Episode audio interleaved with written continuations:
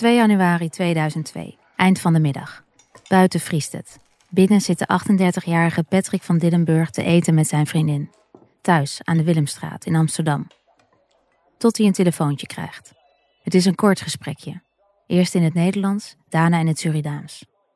Hij moet heel even weg, zegt hij tegen zijn vriendin. Maar hij wil hun zoontje straks nog wel in bed leggen. En hij belooft op tijd thuis te zijn. Van Dillenburg vertrekt. Het is de laatste keer dat zijn vriendin en zijn zoontje hem zien.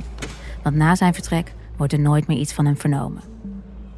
Wat zijn vriendin op dat moment niet weet, is dat Patrick van Dillenburg een drugshandelaar is. Een bekende van de Amsterdamse politie en in het criminele circuit. Dus wat kan er gebeurd zijn? Is hij ondergedoken, op de vlucht voor een criminele vijand? Is hij vermoord? Een afrekening in de onderwereld? Het zou allemaal kunnen. Van zijn lichaam is in ieder geval nooit een spoor gevonden. En de paar tips die de politie na zijn verdwijning krijgt, leiden allemaal tot niets. De recherche staat voor een raadsel. Tot 2016, want dan komt er een anonieme tip uit de onderwereld binnen. De strekking? Jullie zouden eens bij ene Ad moeten gaan kijken.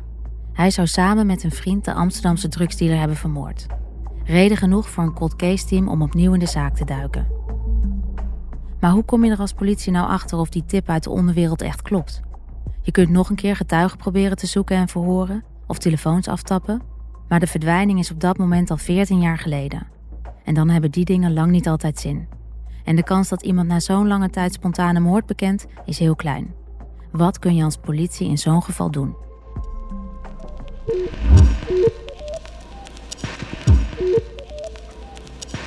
Dit is aflevering 1 van Grijs Gebied, een podcast van de Volkskrant. En ik ben Elspet Stoker. Ik ben justitieverslaggever. Voor mijn werk kom ik dus vaak in de rechtbank. En daar kom je veel verhalen tegen. Van kleine delicten tot soms gruwelijke moordzaken. En de dossiers die ik voor me krijg zouden soms makkelijk een script kunnen zijn van een Netflix-serie. Maar wat het is, deze verhalen zijn allemaal waar gebeurd. In de rechtbank hoor je wat voor verschrikkelijke dingen mensen kunnen doen. En wat het nog indringender maakt, je hoort veel details. Je ziet de mensen om wie het gaat. De verdachte, het slachtoffer, de nabestaanden of familie. Je ziet hun lichaamshouding, hoort de toon in hun stem en voelt de spanning en het verdriet soms in een zittingszaal hangen. Maar in die rechtbank ben ik er ook achter gekomen dat niet alleen criminelen dingen doen die je niet voor mogelijk houdt. Soms is het ook de politie zelf die balanceert op het randje van het toelaatbare. Elk jaar voert de politie tientallen ondercoveracties uit. Hoeveel het precies zijn weten we niet. En je hebt ze in verschillende smaken. Je hebt bijvoorbeeld agenten die infiltreren in een terroristische organisatie of die zich voordoen als drugscriminelen om vervolgens een drugshandelaar op te pakken. En dan is er nog een manier van undercover werken. En daarover ga ik je in deze podcast vertellen. Die methode heet Mr. Big en is zeer omstreden. Mr. Big wordt alleen ingezet bij zware zaken, moordzaken. En alleen als de politie geen andere manier meer ziet om een zaak op te lossen. Het idee is dat de politie dan zelf een fictieve criminele organisatie opzet. Undercoveragenten worden bevriend met de verdachte, dringen diep door tot zijn bestaan en beloven hem werk waarmee hij bakken met geld kan verdienen. Maar voor hij aan de slag kan, moet hij wel eerst even zijn criminele verleden opbiechten.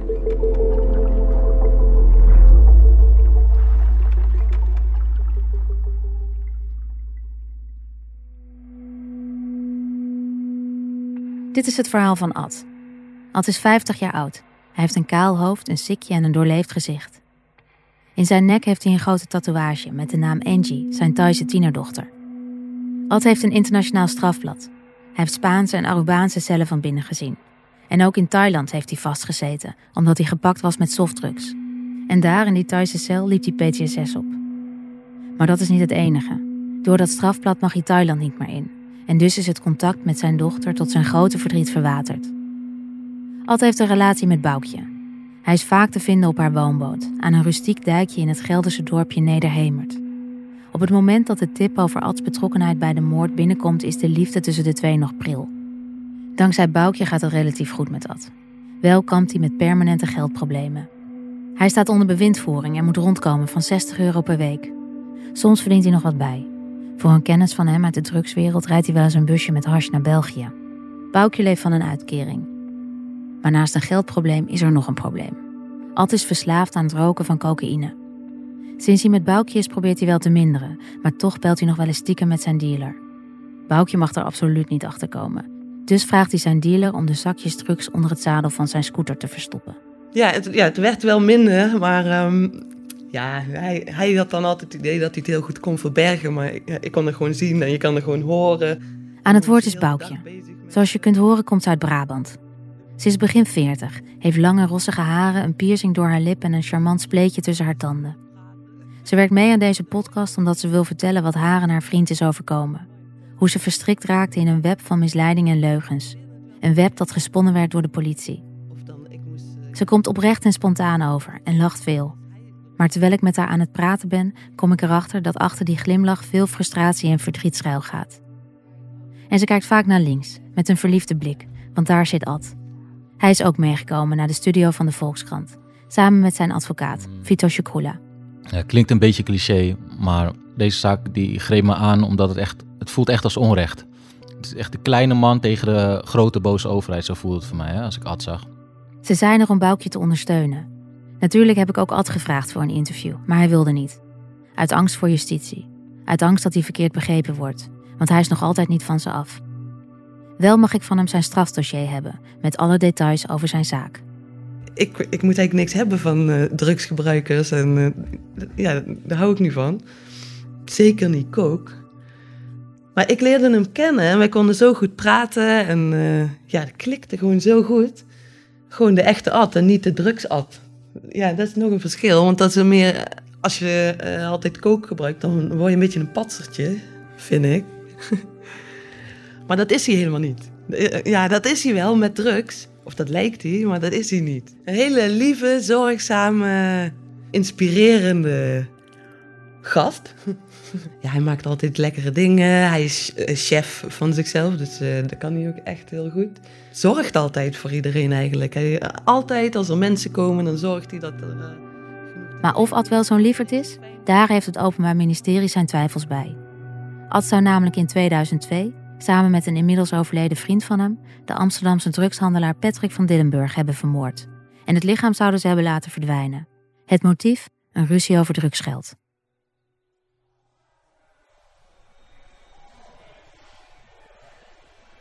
Het is vrijdag 27 oktober 2017 als dit undercover verhaal begint.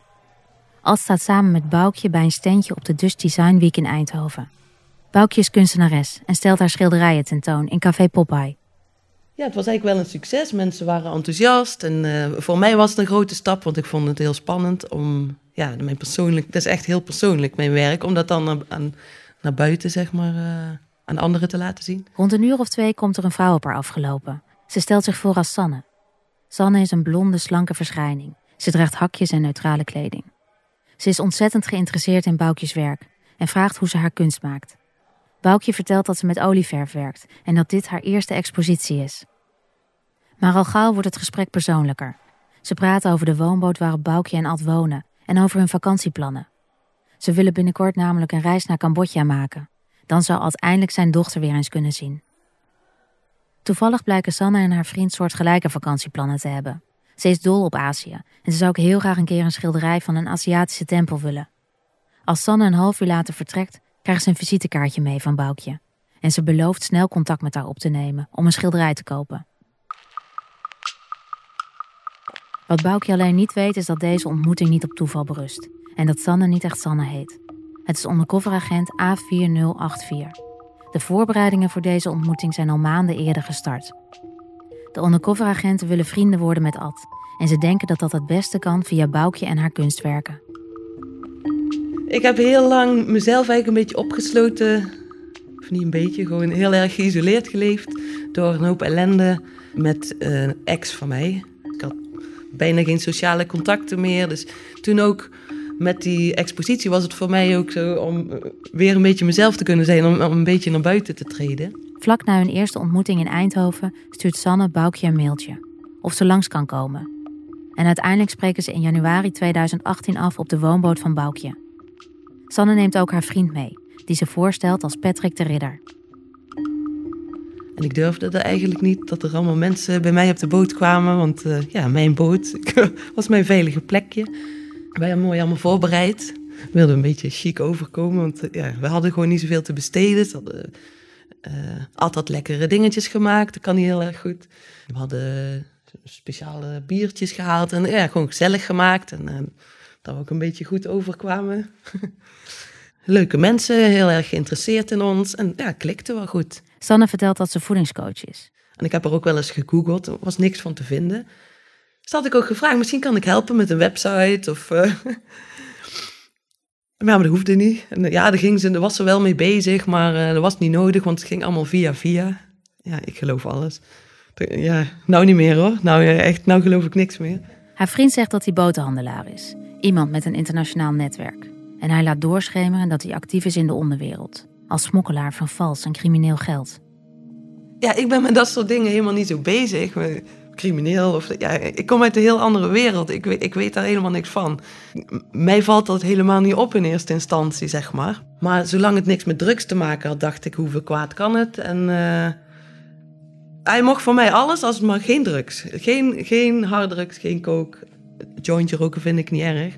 Maar uh, nee, geen kook. Dus ja, en ik had Patrick gezien. Hij leek mij heel vriendelijk. Ik dacht, ja, nou, en Ad werd er blij van. En die eh, werd al een stukje groter alleen al als Patrick aankwam lopen. In de maanden erna wordt het contact hechter. Sanne en Patrick komen vaker langs. Voor een barbecue of een biertje. Patrick is vaak toevallig in de buurt. En Ad beschouwt hem steeds meer als een vriend. Ze hebben het over van alles. Maar vooral over Ads grootste wens. Hij droomt ervan een restaurant te beginnen in Siem Reap.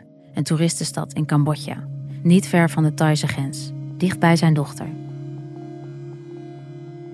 Sanne en Patrick komen over alsof ze behoorlijk wat geld hebben. Patrick rijdt in een Mercedes en heeft een duur horloge om zijn pols. En hij heeft het sowieso vaak over dure auto's en luxe boten. Ad vindt dat wel interessant. En al helemaal omdat hij hoopt dat ze misschien wel in zijn Aziatische avontuur willen investeren. En dat mag ook best met zwart geld, houdt hij aan Patrick voor.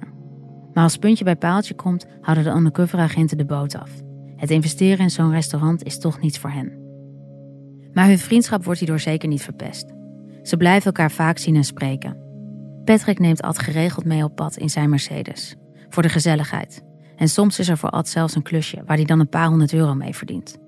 Volgens Ad gaat het om beschermingsklussen. Waarbij hij voor Patrick ergens een oogje in het zeil moet houden. Ja, dan gingen ze ergens heen rijden. Ik wist niet precies wat ze moesten doen, maar uh, dan gingen ze in de auto en uh, iets afleveren of zo. Of, uh, ja, ik, ik, ik wist het niet precies. Maar ja, dan kwam hij thuis en helemaal enthousiast. Dan hoefde hij eigenlijk alleen maar met, de auto ergens heen en dan kreeg je 300 euro. Nou, dat is mooi verdienen. Toen uh, had ik geen inkomsten meer. Ad had 60 euro in de week. Um, wij, leefden echt van, wij leefden echt van het geld van Patrick. Op een dag worden Ad en Boukje samen uitgenodigd bij Patrick in IJmuiden. Ze mogen langskomen in zijn chique appartement in een oude watertoren om te brainstormen over een nieuwe schilderopdracht voor Boukje. Toen hadden ze wel trouwens um, ons, of mijn schilderij opgehangen op een heel klein muurtje. En er stond iets van zo'n miniatuurboot en um, ja, verder niks persoonlijks. Dus ik dacht, oh ja, maar ja, als Patrick die ging heel vaak uh, op reis naar uh, volgens mij Spanje, of dat zeiden ze altijd tenminste als die heel vaak weg is, dan kan ik me wel voorstellen dat je als man een beetje zo'n mannenhuis, een beetje onpersoonlijk huis hebt, zeg maar. Nou, maar ik vond het toch een beetje raar. Maar op een gegeven moment, wij waren daar. En uh, de muziek die opstond, dat was gewoon precies net als mijn muziek. Ik denk, hé, hey, Lou Reed, ik zei het ook. En hij kijkt zo. en uh, ja, dat voelde heel vertrouwd. Gewoon mijn eigen muziek. Uiteindelijk bestellen de agenten drie schilderijen en ze geven 4000 euro aan Boukje, contant. Ze vonden het heel lelijk, zeiden ze achteraf. Ik heb daar drie maanden met hart en ziel keihard aan gewerkt. Elke dag. Dan ben je elke dag met hun bezig ook om hun visie. Maar in die tijd laten Sanne en Patrick niet merken dat ze de schilderijen lelijk vinden. Patrick blijft spontaan langskomen om een biertje te drinken met Ad of om de voortgang van het schilderij te bekijken. Of Ad en Boukje worden mee uit eten genomen. Ze gaan zelfs een keer naar chique Okura, iets wat ze zelf nooit hadden kunnen betalen. De rekening van 570 euro is natuurlijk voor Patrick. In de tussentijd ziet Boukje Ad veranderen. En ook Patrick verandert. Ik merkte, hij ging steeds meer Patrick-achtig praten. Ad heeft gewoon een Brabants accent. Maar hij ging steeds meer, eh, ja, wat is dat, Eemuiden accent? Of, uh, ja, net als Patrick, ik kan niet nadoen. En steeds meer een beetje ja, zeilerskleren, zeg maar. Ja, het klinkt een beetje raar. Hoe, die, hoe Ad zijn kleding ging dragen was meer naar Patrick toe. Maar Patrick was nog meer, ging hij zich als Ad verkleden. Ja, ja ik let heel erg op kleding, omdat ehm, ja, dat is mijn achtergrond vanuit de mode. En ik maakte ook wel eens grapjes tegen Patrick. Heb je nou dezelfde trui aan als Ad? Dat is toch raar? En nou, achteraf gezien denk ik, ja, wat moet hij wel niet gedacht hebben als ik dan zo'n grapje daarover maak? Ik, ik bedoelde dat niet, niet verkeerd of zo, zeg maar. Maar ja, als mij dat opvalt, dan zeg ik daar iets van. Het zijn de kleine dingen waarmee Patrick en Sanne steeds verder doordringen tot de levens van Boukje en Ad. Want terwijl ze de undercoveragenten inmiddels als goede vrienden beschouwen, wordt hun hele leven gemonitord. Hun telefoons worden getapt en hun woonboot en auto is volgehangen met opnameapparatuur. Alles is erop gericht om Ad te betrappen op verdachte uitspraken.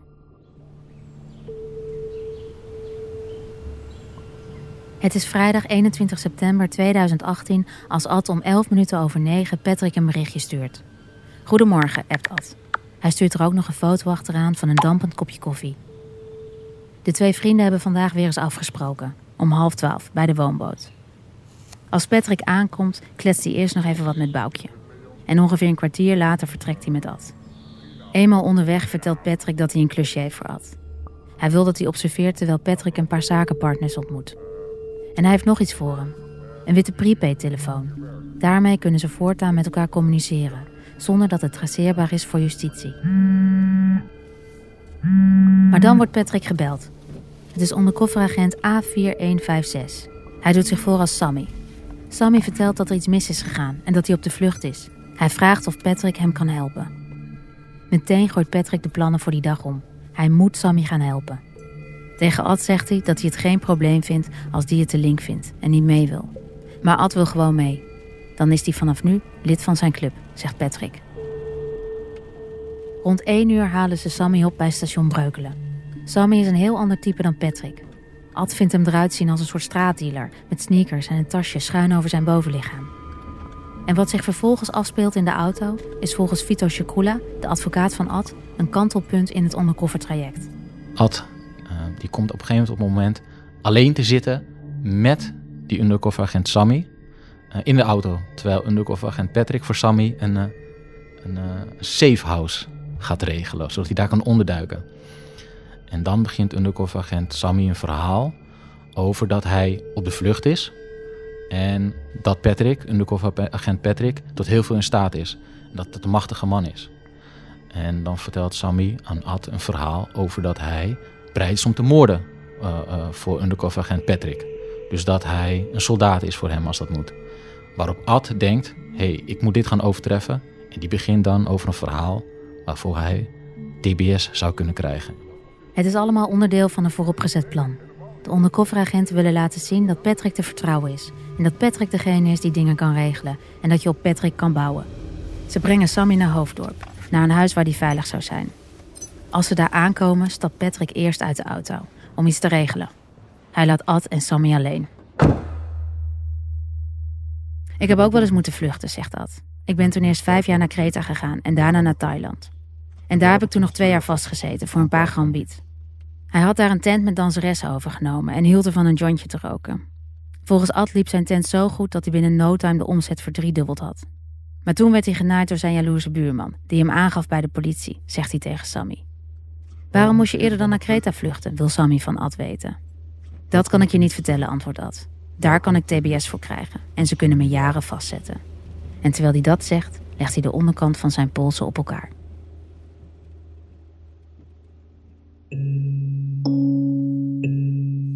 Voor het eerst heeft Ad iets gezegd dat erop duidt dat hij betrokken is geweest bij een ernstig misdrijf. Bijna een jaar nadat Sanne Boukje voor het eerst ontmoette, begint Ad te praten. Maar is het nou stoerdoenerij of heeft hij echt een moord gepleegd? In eerste instantie wil Patrick na deze onthullingen snel weer met Ad in gesprek, om door te vragen. Maar dat moet enkele dagen worden uitgesteld. Het team van de undercoveragenten houdt niet alleen Ad en Boukje in de gaten, maar ook het nieuws. En net die week verschijnt er in de media een artikel over een andere moordzaak, waarin de omstreden Mr. Big-methode tot een bekentenis heeft geleid. Om te voorkomen dat Ad en Boukje argwanend worden, last de politie een korte pauze in. Want, denken ze, de undercoveragenten mogen niet door de mand vallen. Maar Boukje en Ad hebben helemaal niets door. En op 27 september 2018 haalt Patrick Ad weer eens op met de auto. Hij moet met Ad praten, zegt hij. Want hoe zit dat nou met dat TBS-verhaal? In Patrick's Mercedes legt Ad het uit. Voor het eerst vertelt hij over de moord op Patrick van Dillenburg in 2002. Voor het eerst gaat ook de opnameapparatuur aan die de politie in de Mercedes heeft verstopt. Te horen is hoe Patrick iets zegt over afknallen en begraven. Over het shredderen van een lichaam. Maar wat Ad die dag precies vertelt, dat blijft onduidelijk. Het autoraam staat open en de motor van de Mercedes maakt te veel lawaai. Er zijn alleen maar flarden te horen. Bijvoorbeeld dat Ad zegt dat hij niet zo snel schrikt. En dat Patrick constateert dat Ad wel zijn mannetje staat. Maar het belangrijkste stuk, waarin Ad vertelt over een mislukte drugsdeal en een moord, is niet goed te verstaan. Een paar weken later probeert undercoveragent Patrick het daarom opnieuw. Deze keer parkeert hij zijn auto even verderop, op de dijk in Nederhemert. Op een afgelegen plekje, zodat niemand de twee kan storen. En opnieuw vertelt Ad over de moord. En Patrick, die vraagt en vraagt. Zo wil hij van Ad weten of hij degene was die het slachtoffer doodschoot. Deze keer is de opname wel goed. Te horen is hoe Ad vertelt dat de eerste kogel afketste omdat de munitie nat was. Vervolgens vertelt Ad dat hij de drugshandelaar nog een keer probeerde dood te schieten. Of zoals hij het zelf formuleert, drie keer door zijn kankerkop schoot. Maar dan nog steeds is Van Dillenburg niet dood. En zegt Ad dat hij flink heeft moeten uitpakken. En zijn hersens insloeg totdat hij niks meer hoorde. En dat gebeurde allemaal op een industrieterrein bij Halfweg. Vlakbij een caravan van een oude bevriende clown. Het lichaam, zegt Ad, heeft hij eerst met een kleine graafmachine begraven. En toen weer opgegraven, omdat ze bang waren dat het lichaam gevonden zou worden. Ze hebben het door een shredder gehaald en uitgestrooid over een bloembollenveld in Noordwijkerhout. Staan er nog steeds bloembollen daar, wil Patrick weten? Ja, zegt Ad. Al geeft hij toe dat hij een raar gevoel krijgt als hij er komt. En dat de beelden nog steeds op zijn netvlies staan.